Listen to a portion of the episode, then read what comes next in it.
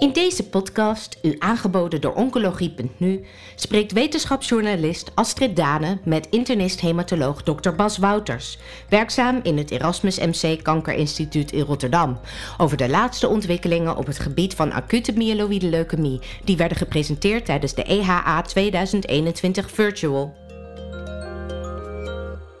In deze podcast, naar aanleiding van de EHA 2021 Virtual, spreek ik vandaag met Dr. Bas Wouters van het Erasmus MC Kankerinstituut in Rotterdam.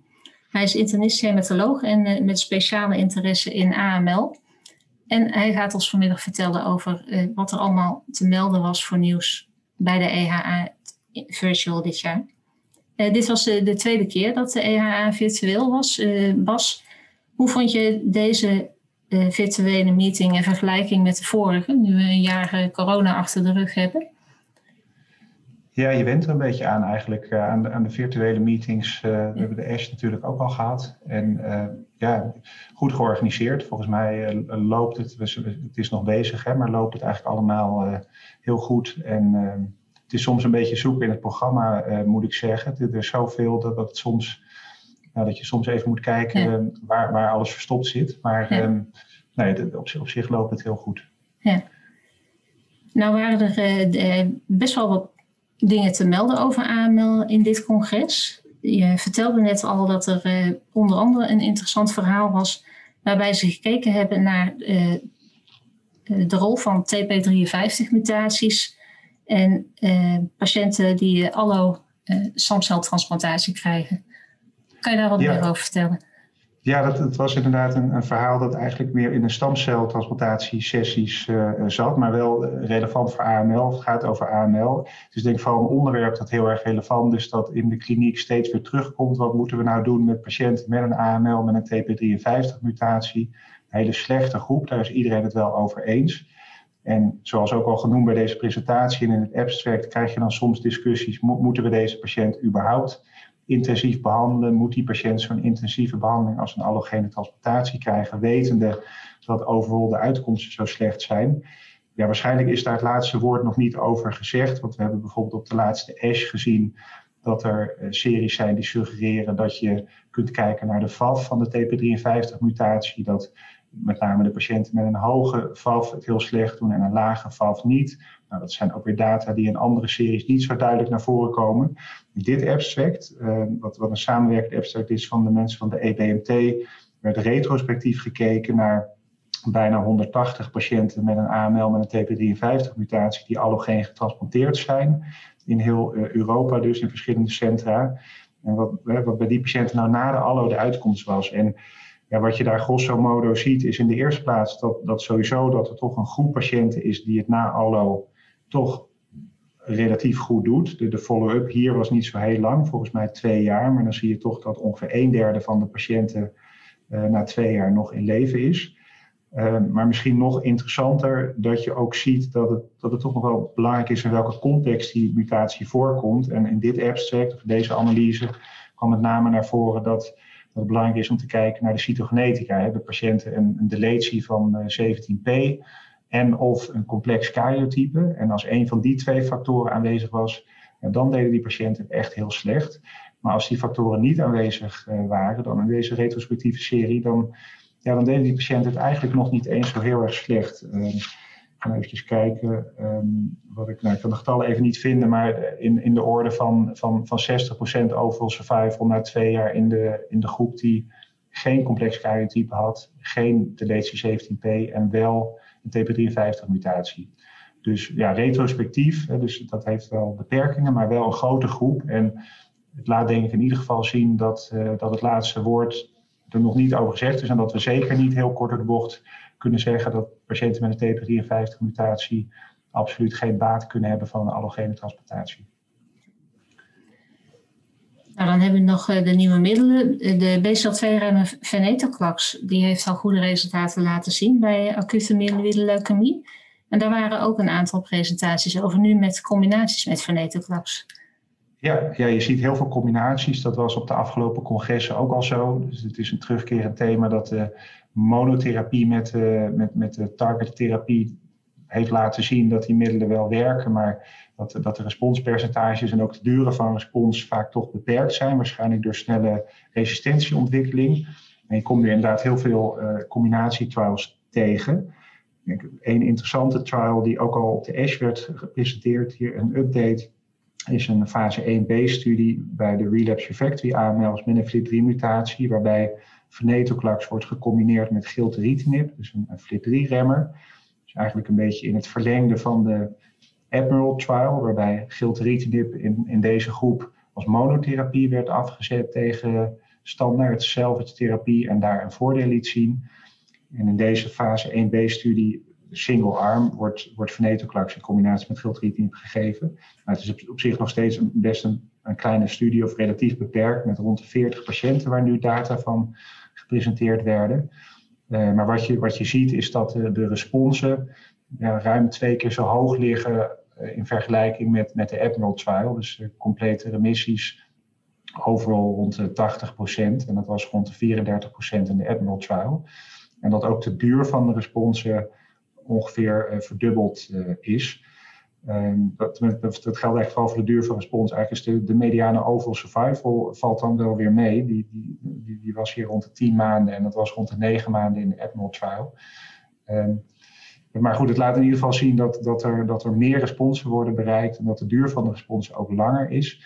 Wel ten koste toch wel van, van toxiciteit. En dat is wel, denk ik, iets wat je steeds terugziet bij de studies met venetoclax. Je ziet dan vaak heel uh, eufemistisch, uh, wordt er ook gezegd van nou, de, de, bijwerkingen waren niet unexpected. Maar ja, het is dan ook expected dat venetoclax behoorlijk diepe neutropenieën geeft. En dat zie je bijvoorbeeld ook in deze studie, dat... Uh, graad 3 of hoger cytopenie in het algemeen bij 80% van de patiënten werden gezien. En dat kan toch soms uh, natuurlijk wel problemen geven. Dus effectief en ook uh, ja, effectiever dan monotherapie met, met gilteritinib, maar wel ook wel wat extra toxiciteit. En de uh, tumulus syndroom, dat is ook een bekende bijwerking van venetoclax. Ja. Ja, ja dat, dat zie je eigenlijk bij AML in het algemeen uh, toch wat minder dan bijvoorbeeld bij CLL. Ehm, misschien ook doordat, dat werd ook door een van de sprekers tijdens het congres genoemd, uh, misschien ook wel doordat men geleerd heeft van CLL en ook in de studies nu met, met AML venetoclax daar ook al wat, wat meer op anticipeert. Um, maar het is beperkt. En bijvoorbeeld in deze studie met uh, venetoclax schildritinib werd binnen die groep van, van 43 patiënten werd één patiënt met een tumorlyse syndroom gezien. Dus dat is, dat is heel beperkt als je het afzet tegen, tegen CLL. Ja.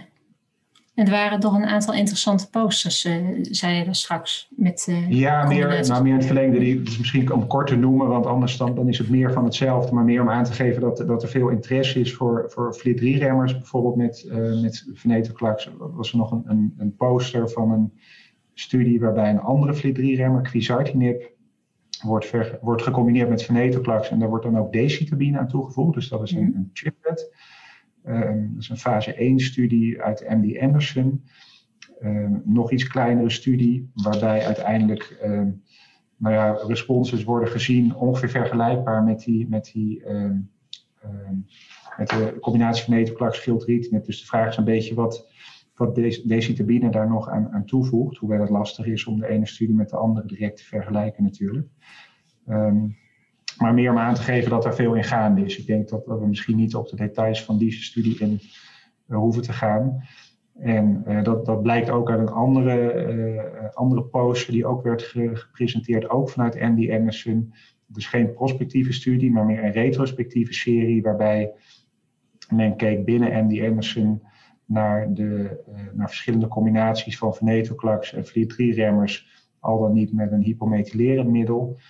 Um, ja, waarbij ook een, eenzelfde trend wordt gezien dat de combinatie van, van, van middelen en vooral van venetoclax en, en FLT3-remmers hogere responsen geeft. Het geeft overigens ook aan dat, is toch wat anders misschien dan in Nederland en, en ik denk ook in Europa, dat er in de Verenigde Staten ook al vrij uh, vrijelijk combinaties worden gegeven aan patiënten buiten studie, zonder dat die middelen echt formeel ge, uh, onderzocht zijn in studie. Want ja, dit is een retrospectieve studie uit MD Anderson van, ik geloof, de afgelopen acht of tien jaar.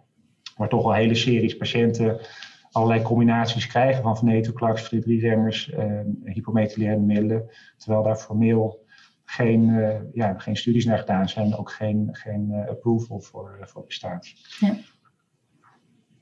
Dus dat is, en de, de, dat is vooral ook voor de FLT3 gemuteerde patiënten. Hè? Mhm. En uh, er zijn er ook patiënten met IDH1-mutaties. En daar waren ook een aantal uh, er was een nieuwe remmer en nog een paar andere presentaties. Ja, dus de, precies. Dus de, de, de IDH-mutante AML's, dat is in totaal ongeveer 20% van de, van de AML's. Dat is een groep die in Nederland ook uh, in de belangstelling staat, omdat een van de lopende HOVON-studies, de HOVON 150 studies, specifiek voor die groep patiënten loopt. Een ehm, aantal interessante abstracts op dat terrein.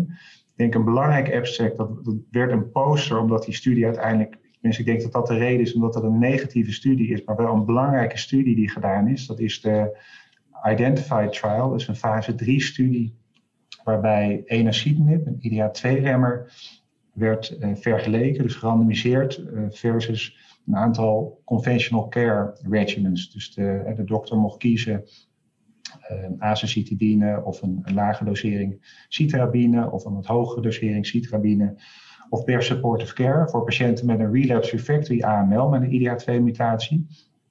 En dit is eigenlijk een verlengde van de, de fase 1-studie die een aantal jaar geleden is gedaan voor enasidenib. Met responspercentages van rond de 40%. Dat heeft ertoe geleid dat de FDA enasidenib heeft goedgekeurd voor deze patiëntengroep. De EMA heeft dat niet gedaan, of ja, formeel is de aanvraag van de, van de farmaceut teruggetrokken in Europa op basis van die fase 1 single-arm studie. nou, dit is dan de fase 3 studie. Het primaire eindpunt van deze studie was overall survival. En daar blijkt geen verschil te zijn uh, tussen de groepen. Dus de patiënten die energienip kregen of de patiënten die een van de conventional care regimens kregen, die deden het overall per overall survival niet verschillend. Dus overigens een studie van ruim 300 patiënten geïncludeerd. Eh, dus dat is natuurlijk een teleurstellende studie voor de onderzoekers en ook voor de fabrikant. Ehm, en dat zal ook niet eraan bijdragen, denk ik, dat dit middel eh, op korte termijn voor deze groep in Europa geregistreerd zal worden. Het is wel zo, denk ik, als je goed kijkt, of ook als je gewoon het abstract bekijkt en ook de, poster, dat deze studie wel laat zien dat enasidenib echt wel een actief middel is.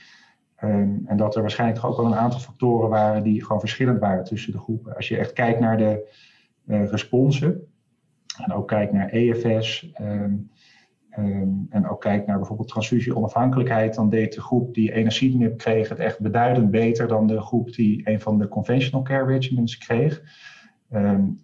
en ja, de, de, onderzoekers denken dat het, dat het niet gevonden verschil in overall survival deels zou kunnen samenhangen met uh, het feit dat, dat een, een, groep patiënten na conventional care falen alsnog energienip kreeg buiten de studie. Ja, dat is één ding. Uh, het tweede is dat, dat nogal veel patiënten die gerandomiseerd werden naar de conventional care groep uiteindelijk helemaal die behandeling niet kregen. Dus misschien omdat de onderzoekers dachten, nou ja, dan hoeft het niet. Ik, ik, had die patiënt liever energienip willen geven en, en anders dan doe ik dat niet. Dus overall survival formeel niet verschillend en daarom een negatieve studie. Maar desalniettemin bevestigt deze studie wat mij betreft wel dat enasidenib gewoon echt een, een, een, potent middel is met relatief weinig bijwerkingen. En het, het ondersteunt in ieder geval de verdere onderzoeken met, deze, eh, met dit middel en ook IDH1-remmers in, in andere regimes. Zoals we dat ook doen bijvoorbeeld in Nederland. Ja. En dan werd uh, een IDEA-remmer ook nog gegeven in combinatie met venetoclax. Ja, dat is, dat is een hele kleine studie, dus daar moet je dan ook voorzichtig mee zijn. Kunnen we daarom ook kort noemen, maar wel ook weer in, in dezelfde uh, thematiek als wat, wat, we net zagen voor, voor de FLI3-remmers. Dus een, een fase 1b2-studie, waarbij ivositinib, dus dat is een IDEA-1-remmer, gecombineerd wordt met venetoclax, wederom. Uh, al dan niet in combinatie met azacitidine, dus een, een doublet of een triplet. Nou, nogmaals, een erg kleine studie. drie, drie groepen in die, in die studie. Twee groepen waarbij alleen efusidenib of en venetoclax werd gegeven in verschillende doseringen. En een derde groep waarbij de triplet wordt gegeven. Aantal patiënten tot nu toe uh, 6, 6 en 13 respectievelijk. Dus dat, dat is beperkt. Ehm, maar ehm, ja, in ieder geval hoge respons, vooral in de, uh, de groep met een wat hogere dosering venetoclax en, en de groep waar acetylidine wordt toegevoegd. Um, rond, rond de 100% zelfs uh, in, in die laatste groepen. En ook behoorlijk langdurige responsen, waarbij ook een, een groot deel van de patiënten kon worden doorgeleid naar een allogene transplantatie. Um, ja, ook hier natuurlijk toxiciteit van de venetoclax, uh, zoals eerder al benoemd. Uh, maar ja, het, het, ondersteunt in ieder geval wel ook in dit geval de, de, combinatie van middelen. En het is overigens zo dat we al wisten dat venetoclax het los van, van IDH-remmers best heel goed doet, in, juist in patiënten met een IDH-mutatie. dus, en blijkbaar is het zo dat het combineren van venetoclax met een IDH-remmer inderdaad veelbelovend is om, om hogere responsen te bereiken. Nou, kleine studie, nog meer patiënten nodig. Tot slot eh, nog wel interessant om te noemen dat er nu wat, wat rijpere data zijn van een andere IDH1-remmer. Dus dat is een, eigenlijk een concurrent van ivosidenib, olutacidinib, ook wel FT2102. Daar werden data gepresenteerd van een fase 2 onderzoek met 153 patiënten geïncludeerd. En je zou kort door de bocht kunnen zeggen dat dit een studie is die, die wel lijkt op de, de resultaten die werden behaald met ivosidenib in een soortgelijk onderzoek. Overall response rate. Dus het waren overigens natuurlijk allemaal patiënten met een IDA1-mutatie en ook allemaal relapse refractory. Overall response rond de 46% Dat is vergelijkbaar met ivosidenib. Ik denk wel, als je goed naar deze data kijkt, dat, dat het op lijkt dat misschien dit middel ietsje ja, betere responsen geeft in de zin dat het, dat het percentage patiënten echt met een CR of een CRH, eh, dat dat wat hoger lag dan in de studie met ivosidenib.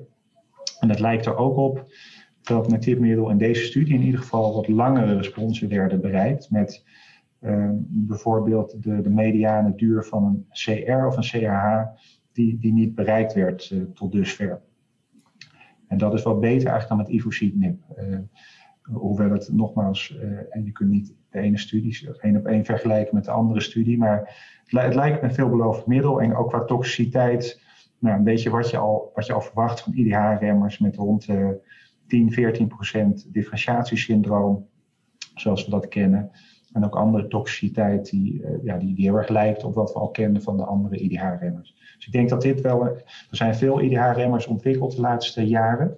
Ze hebben het niet allemaal uh, gehaald of hebben niet allemaal de beloftes waargemaakt. Maar ik denk dat dit middel wel een goede kans heeft om, om verder ontwikkeld te worden. Mooi. En dan zijn er ook nog, uh, ja, er wordt in meerdere studies al gekeken naar de waarde van, uh, van MRD-detectie. er was ook één presentatie waarbij ze keken naar de standaardisering van MRD. Ja, ja. ja dat, Zeker, dat is, een, uh, ja, dat is niet voor, voor alle dokters direct in, in dagelijks praktijk heel erg, uh, nou niet iets wat je toepast, maar ik denk wel een heel belangrijk initiatief. Waarbij een, een, samenwerking tussen uh, twaalf verschillende laboratoria in, in zeven landen werd, werd gepresenteerd door een, een Duitse onderzoeker, Michael Heuser uit Hannover. Deden ook twee centra in Nederland mee, Rotterdam en Nijmegen. En het doel van dit onderzoek is om te kijken in hoeverre het standaardiseren van, van, van uh, technieken en ook van analyse van uh, next generation sequencing gebaseerde MRD tussen labs uh, ja, de, de, de, de, data uiteindelijk verbetert. En ze deden dat door eigenlijk gewoon een serie DNA-samples rond te sturen naar al die labs. Waar, waarvan al bekend was welke mutaties daarin voorkwamen en, en in, welke, in welke lood. Um, en vervolgens, eigenlijk heel simpel, werd elk laboratorium toegestaan om of zijn eigen techniek te gebruiken en zijn eigen pipeline, of een gestandaardiseerde workflow te gebruiken en dat centraal ook te laten analyseren. En ja, wat, wat gepresenteerd werd is eigenlijk dat, dat al die labs het best wel goed doen. Je kunt niet zeggen dat, dat er nou labs tussen zitten die, die er echt niet heel slecht doen, maar wel dat er behoorlijk wat variatie is tussen labs. Ook niet onverwacht, maar deze studie liet het goed zien dat er variaties is tussen labs als iedereen zijn eigen ding doet. En dat met name bij de lage VAFs, dus als, als er echt weinig tumorcellen aanwezig zijn en je een beetje rond, rond de detectiegrens komt te zitten, dat er toch wel grotere variaties gingen ontstaan. Terwijl de, de gestandaardiseerde uh, approach, waarbij alle labs precies hetzelfde deden en het ook op precies dezelfde manier analyseerden, ja, behoorlijk strakke en vergelijkbare resultaten liet zien.